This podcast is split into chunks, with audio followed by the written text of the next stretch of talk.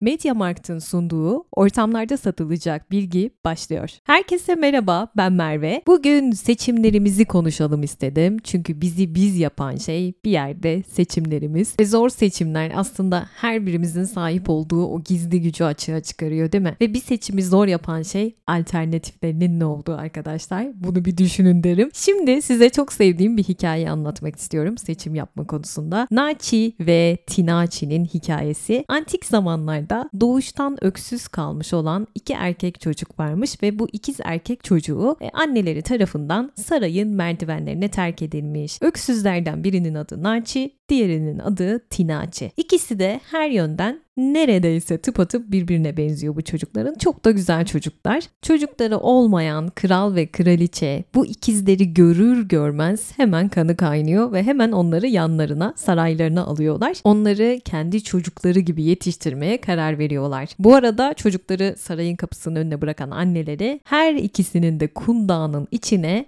12'şerlik birer deste iskambil kağıdı bırakmış. Kapalı kutuda bir iskambil destesi. Neyse aradan seneler seneler geçmiş. Kral ve kraliçe bu ikizleri gerçekten kendi çocuğu gibi sevip büyütmüşler. Çocuklar genç delikanlı olmuşlar ve 20 yaşına geldikleri zaman kral ve kraliçe onlara demiş ki artık biz yaşlandık. Bu tahtı ikinizden birine devretmek istiyoruz. Ama karar veremiyoruz çünkü ikiniz de her yönünüzde tıpatıp aynısınız diyorlar diyorlar. İşte o yüzden sizi 2-3 seneliğine bu saraydan uzaklaştıracağız diyorlar ve bu süre zarfında sizinle kesinlikle görüşmeyeceğiz. Çünkü nalet olsun sizi nereden aldık? bu devirde çocuk bakmak kolay mı? Özel okul fiyatları almış yürümüş. Gidin kendi başınızın çaresine bakın demişler. Neyse geyik yapmayayım. Diyorlar ki yani bu sarayın dışında neler yaptığınızı, neler başarabileceğinizi görmek istiyoruz diyorlar. O yüzden gönderiyorlar çocukları. Ve bir anda akıllarına işte e, gerçek annelerinin onlara bırakmış olduğu iskambil desteleri geliyor. Onları da yanlarına verip bu ikizleri saraydan hop yolluyorlar. Neyse işte bir süre sonra Nachi annesinin ona bırakmış olduğu iskambil destesini merak edip açıyor ve bu kartlarda her ne yazıyorsa onları tek tek uyguluyor. Tinachi ise o iskambil destesini asla açmıyor hatta unutup gidiyor. Zevkü sefaya dalıyor diyebilirim. Aradan 2-3 sene geçiyor ve iki kardeş tekrar saraya geri dönüyorlar. Kral babalarına soruyorlar tahtı kime bırakacaksın baba diye. Kral da diyor ki oğullarım her ikinizi de çok seviyorum. İkiniz de benim kıymetlimsiniz ama tahtımı Naçi'ye bırakmaya karar verdim diyor. Çünkü gördüğüm kadarıyla bu ülkeyi o idare edebilir diyor. Tinachi tabi bundan sonra kardeşine bayağı bir öfke duyuyor, kıskanıyor. Neden diyor, neden beni seçmediniz, onu seçtiniz, onun benden farklı yaptığı ne var diye sorguluyor. Nachi de kraliyet balosunda Tinachi'nin sorusuna şöyle cevap veriyor. Gerçek annemiz yıllar önce bizi kendisine göre iyi sebeplerle bu sarayın merdivenlerine bırakmıştı ve beni içine koymuş olduğu sepete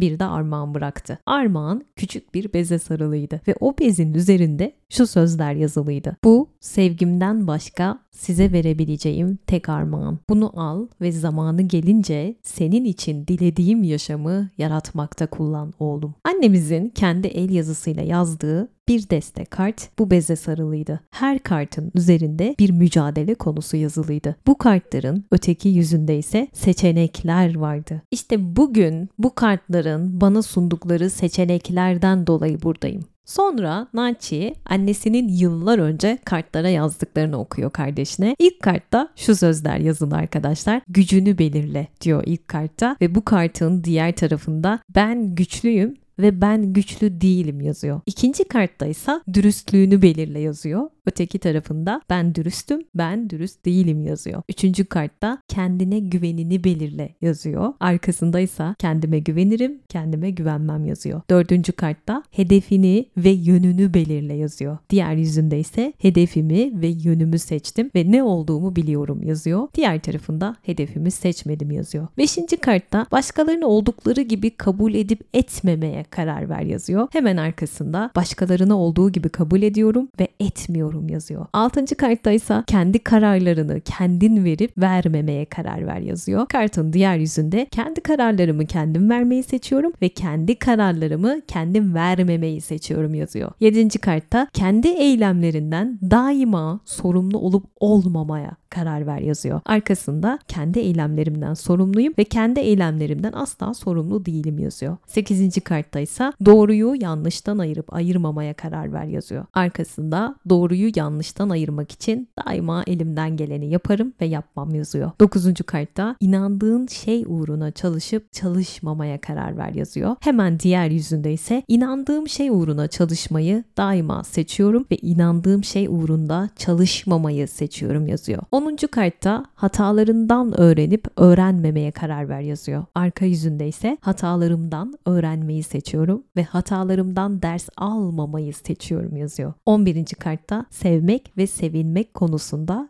karar ver yazıyor. Hemen arka yüzünde sevmeyi ve sevilmeyi seçiyorum ve sevmemeyi, sevilmemeyi seçiyorum yazıyor. Ve son karta geldik arkadaşlar. 12. kart. Bu basit kartta ne yazıyor biliyor musunuz? Belki de bu kartların içindeki en önemli kart bu. Bu kartta şöyle yazıyor. Yaşamının her detayı için seçme hakkını kullanmayı seç. Yaşamının her detayı için seçme hakkını kullanmayı seç. İşte bu kartın diğer yüzünde ise seçim yapmayı seçiyorum ve seçim yapmamayı seçiyorum yazıyor. İşte seçim yapmak hayatta bu kadar önemlidir. Bu 12 maddeyi aklımızdan çıkarmayalım. Hayatta yönümüzü belirleyen büyük seçimlerimiz. Varacağımız noktaya bizi ulaştıran şey ise küçük seçimlerimiz. Bu arada dün karne günüydü ve bazı öğrencilerin böyle yüzü gülüyordu. Belli ki iyi karne almışlar, mutlular. Naçiler ve tinaçiler gördüm dün.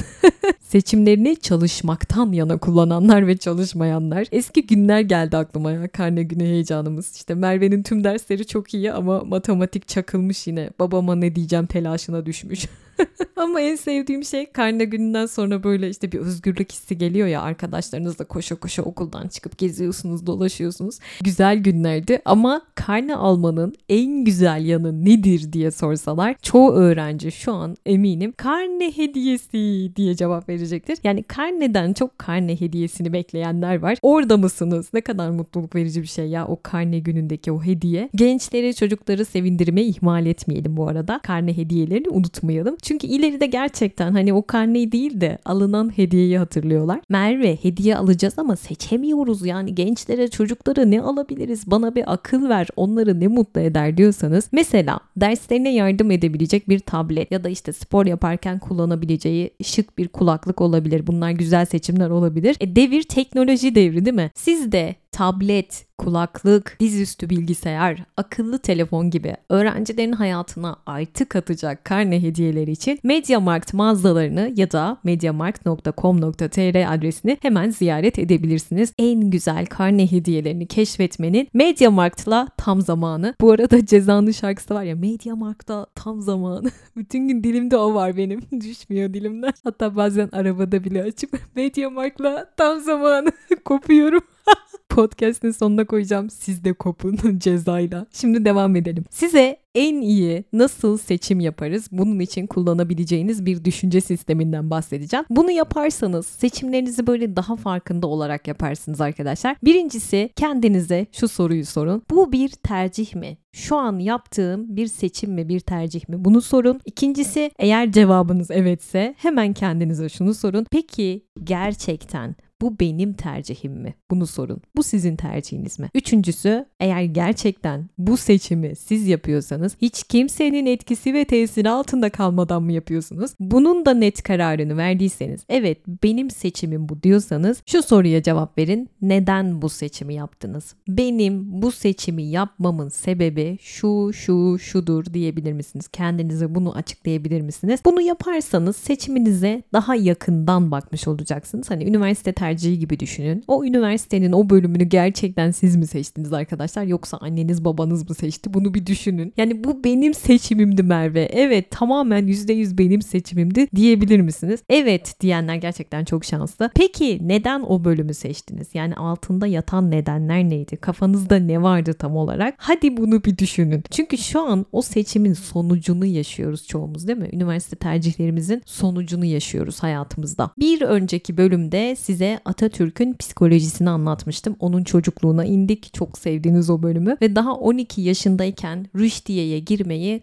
asker olmayı kafasına koyduğunu anlatmıştım. Annesini karşısına aldı değil mi bunun için ve aralarına büyük bir soğukluk girdi ama Atatürk seçimini yaptı. Yani kendi kaderini kendi çizdi daha 12 yaşında. Ha sonuç kötü de olabilirdi değil mi? Annesi haklı da çıkabilirdi. Her şey olabilirdi. Annesini dinleseydi ne olacaktı? Dini eğitim veren bir okula gidecekti. Belki o tarafta da iyi olacaktı bilemeyiz. Ama gitmedi sonuç olarak. Kendi tercihinin neticesini yaşadı. Yani demem okey hayat her zaman ama her zaman bir seçimdir arkadaşlar. Alice'i düşünün. O tavşanı takip etmeyebilirdi. Alice değil mi? Normal standart hayatına devam edebilirdi ama etmedi. Yaşamlarını en çok kontrol eden insanların yaşamlarına bakın. Onların eylem seçimlerini, başarı ve içsel doyuma ulaşamamış insanlarınkiyle bir kıyaslayın. Şunu göreceksiniz. Yaşamda kendince, bakın kendince diyorum. En iyiye ulaşanların yaşamlarının her detayında eylem seçimleri üzerinde daha çok kontrol uyguladıklarını göreceksiniz. Neden? Çünkü başarılı insanlar seçimleri üzerinde daha çok kişisel sorumluluk alan insanlar. Ya geçen gün malum platformda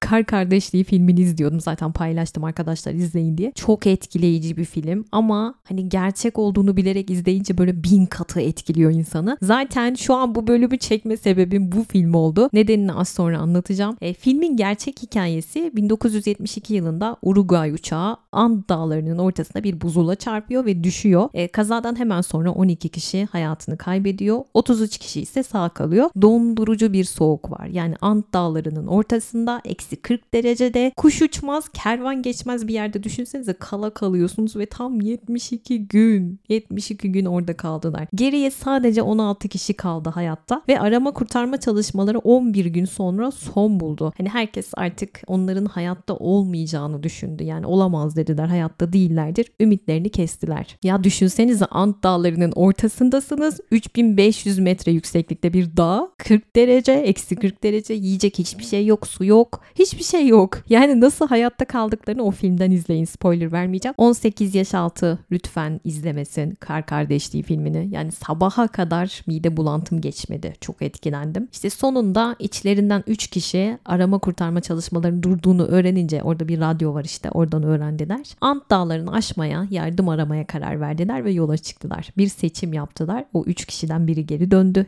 İşte bu hayatlarının en büyük seçimiydi şüphesiz. Ya o soğukta 3500 metre dağı aşıp kurtulacaklardı ve geride kalanlara yardım edeceklerdi ya da yolda hayatlarını kaybedeceklerdi. Bir seçim anıydı bu. Kendimi düşündüm ne yapardım diye ve filmi izleyenler bazıları aç kalmayı tercih ettiler ve bu yüzden hayatlarını kaybettiler. Orada da bir seçim yapmak zorunda kaldılar. Yani düşmanıma dilemem öyle bir seçimi. Neyse işte o filmi izleyin. Yani yaptığımız seçimlerin hayatımıza olan etkisini net göreceksiniz. Madem böyle bir olay anlattım, heyecanlandınız bence. E devamını getirelim değil mi? Survivor hikayelerini sevenler toplansın o zaman. Hatta hemen şu an aklıma Pi'nin Yaşamı filmi geldi. Yani düşünsenize bir Bengal kaplanıyla Pasifik Okyanusu'nun ortasında uyduruk bir salda kala kalıyorsunuz. Ama hani zorlayıcı bilginiz var. Yine de bence çok korkunç hani her türlü bilgin olsa da bir kaplanla denizin ortasında kalıyorsun. Hani kaplanı denize atsam e Bengal kaplanı yüzmeyi biliyor. Geri gelecek her türlü. O olmaz. Kendimi denize atsam köpek balıklarına yem olacağım. ne yapacağım yani seç seçebilirsen. Eğer bu filmi izlemediyseniz mutlaka izleyin. Müthiş bir film. E, bu filmin hikayesi gerçek değil. Yani iyi ki gerçek değil ama ben size gerçek olaylar anlatayım. Biz ne yapardık bir düşünelim ben anlatırken. Bu arada en sevdiğim sorulardan biri bu. Hani şu an fark ettim. Sen olsaydın ne yapardın? Bu soruyu çok soruyorum ya. Yani empat kişilik olanların en sevdiği soru bu sanırım. En sevdiğim programlardan biri de Ahmet Mümtaz Taylan'ın empati programı. Tam benlik. Oscar'ım olsa bu arada Türkiye'de ilk vereceğim oyunculardan biri Ahmet Mümtaz Taylan. Bayılıyorum oyunculuğuna. Şimdi o zaman ben de size sorayım ne yapardınız diye. Mesela bu hikayede siz olsaydınız ne yapardınız? Şimdi anlatacağım hikayede Stephen Callahan diye bir adam var. 5 Şubat 1982'de teknesi Napolyon Kanarya Adaları'nın 800 mil kadar açığında yaklaştığında bir fırtınaya yakalanıyor ve alabora oluyor maalesef. Steven 30 yaşında daha gencecik bir adam ve denizin ortasında şişme botuyla kala kalıyor. Yanında böyle çok az bir malzeme var ve şişme botu maalesef hava kaçırmaya başlıyor. Su içmek için yağmur yağmasını bekliyor. Balık avlamak için eğreti bir zıpkın yapıyor. İşte kaya midyesi yiyor. Kaya midyesine kuşlar geliyor onları da yiyor. Hep böyle kurtarılmayı bekliyor bir şekilde. Balık avlamak için eğreti bir zıpkın yapıyor. Kaya midyelerini yiyor. Kuşları bile yiyor yani açlıktan ne yapsın. Hep kurtarılmayı bekliyor ve o arada botu batıya doğru sürüklenmeye devam ediyor ve 76 gün sonra bulunuyor. İnanabiliyor musunuz? 76 gün denizin ortasında kalıyor tek başına ve sağ kalmayı başarıyor en önemlisi. Evet bu adam tecrübeli bir denizciydi belki. Belki o yüzden sağ kaldı diye düşünebilirsiniz ama bence sadece bu yeterli değil. Zaten bu olaydan sonra bir kitap yazdı. Denizde Kayıp 76 Gün diye. Orada da ruh halini şöyle anlatıyor. Konumuz seçimlerimiz demiştim en başta. O yüzden burası çok ömerli. Diyor ki şimdi bir seçim yapmalıyım kendime yeni bir hayat için yol göstermek ya da pes edip kendi ölümümü seyretmek. Becerebildiğim sürece işte buna karşı koymayı seçtim diyor. Yani ölmeye karşı koydum. Yani ya kendine yeni bir hayat için yol gösterecekti ya da hemen oracıkta pes edip kendi ölümünü seyredecekti ama o direnmeyi seçti ve bu seçimi onu hayatta tuttu. Şimdi bir deneyden bahsedeceğim size. Fareler üzerinde yapılmış bir deney bu. Labirentteki farelere böyle dimdirek doğrudan bir yol gösteriyorlar. Bir de birkaç yola ayrılan başka bir yol var. Yani iki seçenek veriyorlar. Doğrudan yolda ayrılan o seçenekli yolda eninde sonunda aynı miktarda yiyeceğe götürüyor bu fareleri ve buna rağmen birkaç denemeden sonra neredeyse her fare ayrılan yolu tercih ediyor. Doğrudan gitmeyi seçmiyorlar. İşte bu seçme arzusu doğal bir dürtü arkadaşlar ve büyük olasılıkla da hayatta kalmamız için gerekli bir destek olabilir. 1976'da bir huzur evinde bir çalışma yapılıyor bu konuyla alakalı,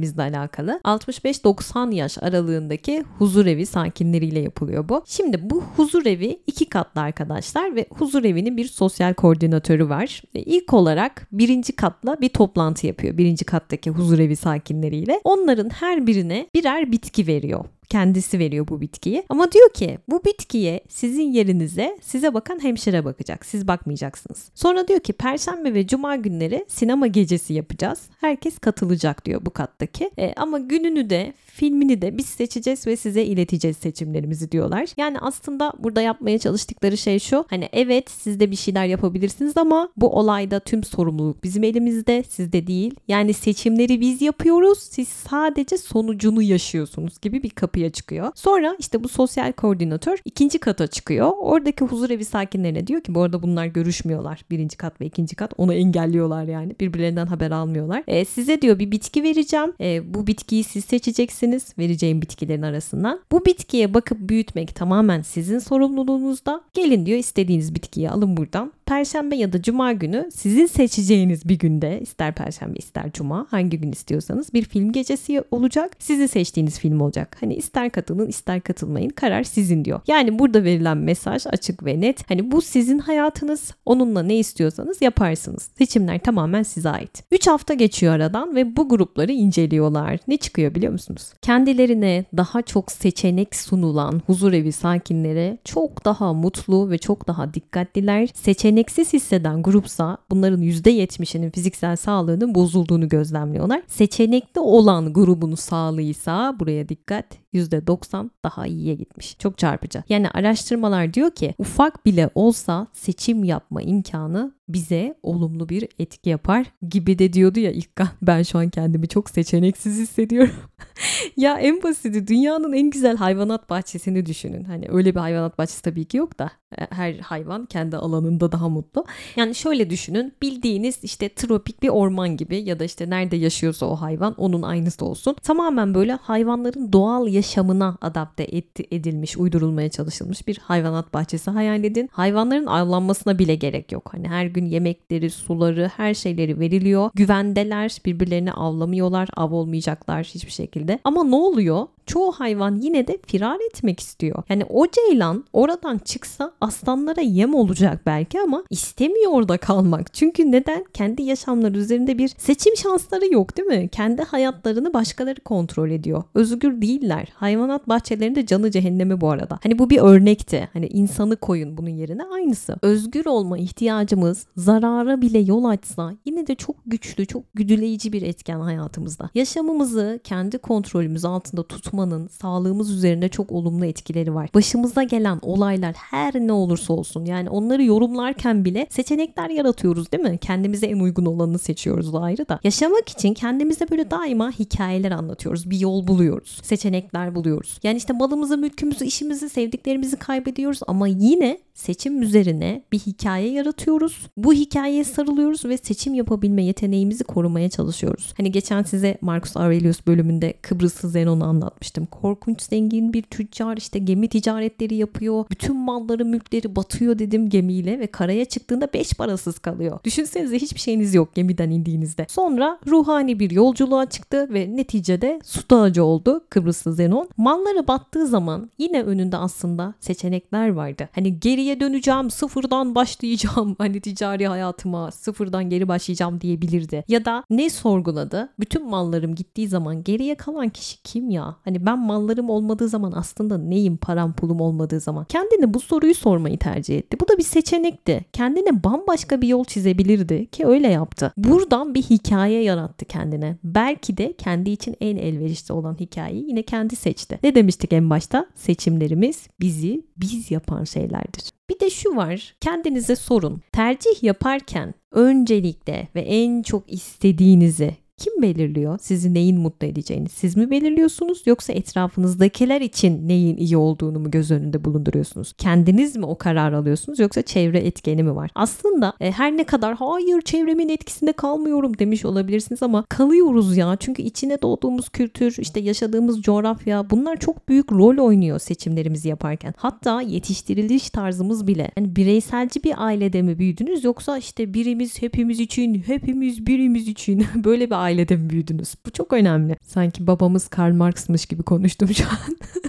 ABD gibi böyle daha bireyselci toplumlarda yetişenlere bakın. Onlar seçim yaparken öncelikle ben üzerine odaklanmışlardır. Çünkü öyle öğretilmiştir onlara. Kültürel psikolog Harry Trendis'in işte bireyselcilik ve toplulukçuluk adlı bir kitabı var. Orada bireyselcileri şöyle tanımlıyor. Öncelikle kendi tercihlerinin, ihtiyaçlarının, haklarının ve diğerleriyle yaptıkları anlaşmalarını yönlendirdiğini ve kişisel amaçlarının başkalarının amaçlarından daha öncelikli olduğunu söylüyor. Bu insanlar kendilerini, bireysel çıkarları, kişilik özellikleri ve eylemleriyle de tanımlamış olarak görürler. Mesela şöyle işte ben bir sinema uzmanıyım ya da ben çok çevreci bir insanım, çevreye çok duyarlı biriyim gibi bir dünya görüşü belirttim değil mi? Bu dünya görüşünde kişinin eksiksiz tam biri olmak için hayatta kendi yolunu belirleyebilmesi son derece önemlidir. Kendi yolunu belirlemek de seçimlerimizden geçiyor. Ve bunun karşısında olan herhangi bir engel açıkça bu bireyselciler tarafından adaletsiz bulunuyor. Çağdaş bireyselciliğin kökleri nereden geliyor? 17. ve 18. yüzyıl Avrupa'sındaki aydınlanmaya kadar iniyor. Aydınlanma üzerine podcast'im var dinleyebilirsiniz. Yunan düşünürlerin işte özellikle Sokrat, Platon, Aristo'nun çalışmaları ya da işte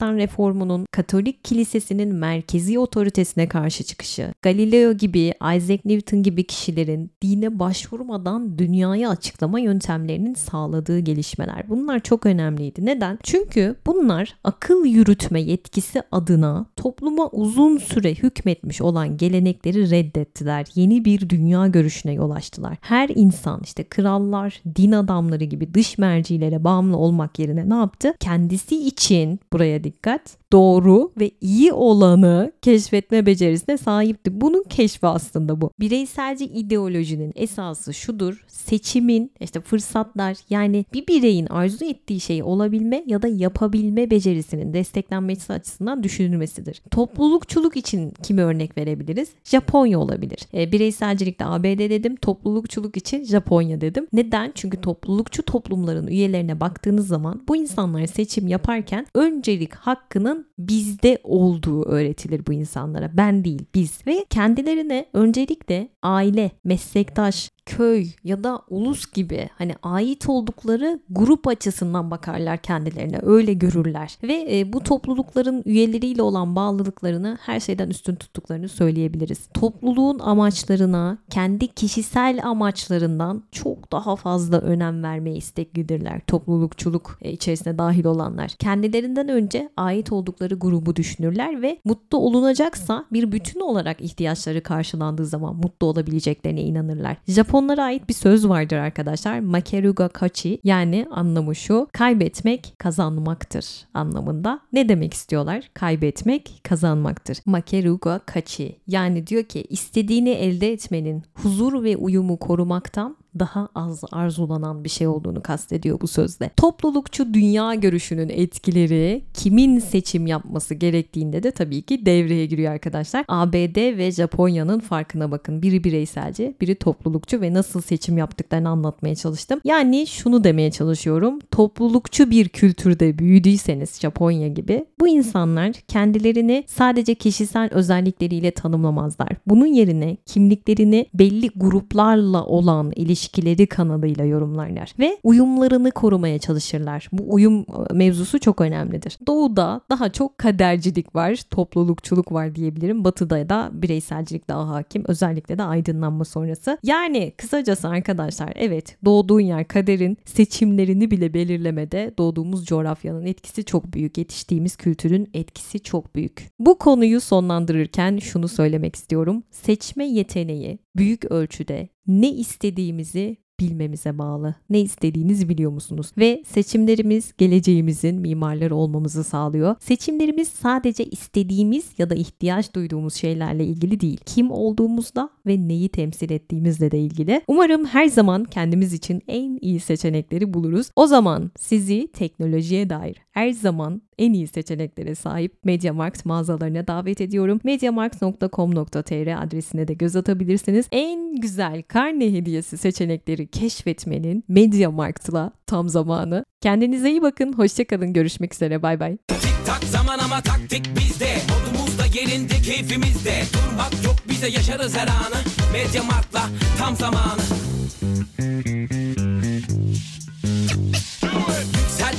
kulağını dört aç adımını sağlam at. Uzmanlarıyla biz kurduk bu takımı. Medya Mart'la tam zamanı. Uçte uçuralım çal biz duyuralım. Hedefini göster 12'den vuralım. Çık yola tam gaz yaşa bu firarı. Medya Mart'la tam zamanı. Sende ışık var kameranı aç. Akışına uyarız sen akımını seç. Ve ertelemenin hiç yok yararı. Medya Mart'la tam zamanı. Evde mesai kravatını tak. Bitince işler dans numaranı yap. Sen seç beğen al. Biz yaparız ayarını. Medya Mart'la tam zamanı Yaşama saatlerimiz esnek. Bitmiyor içimizdeki istek. Hayallerin varsa bizde destek. Medya Mart'la tam zamanı. Tik tak zaman ama taktik bizde. Modumuz da yerinde keyfimizde Durmak yok bize yaşarız her anı. Medya Mart'la tam zamanı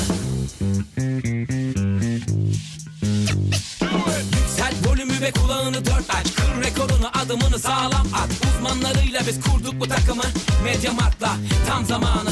Uçte uçuralım çal biz duyuralım. Hedefini göster 12'den vuralım. Çık yola tam gaz yaşa bu firarı. Medya Mart'la tam zamanı. Sende ışık var kameranı aç. Akışına uyarız sen akımını seç. Ve ertelemenin hiç yok yararı. Medya Mart'la tam zamanı. Evde mesai kravatını tak. Bitince işler dans numaranı yap. Sen seç beğen al. Biz yaparız ayarını Medya Mart'la tam zamanı. Yaşama saatlerimiz esnek. Bitmiyor içimizdeki istek. Hayallerin varsa bizde destek. Medya Mart'la tam zamanı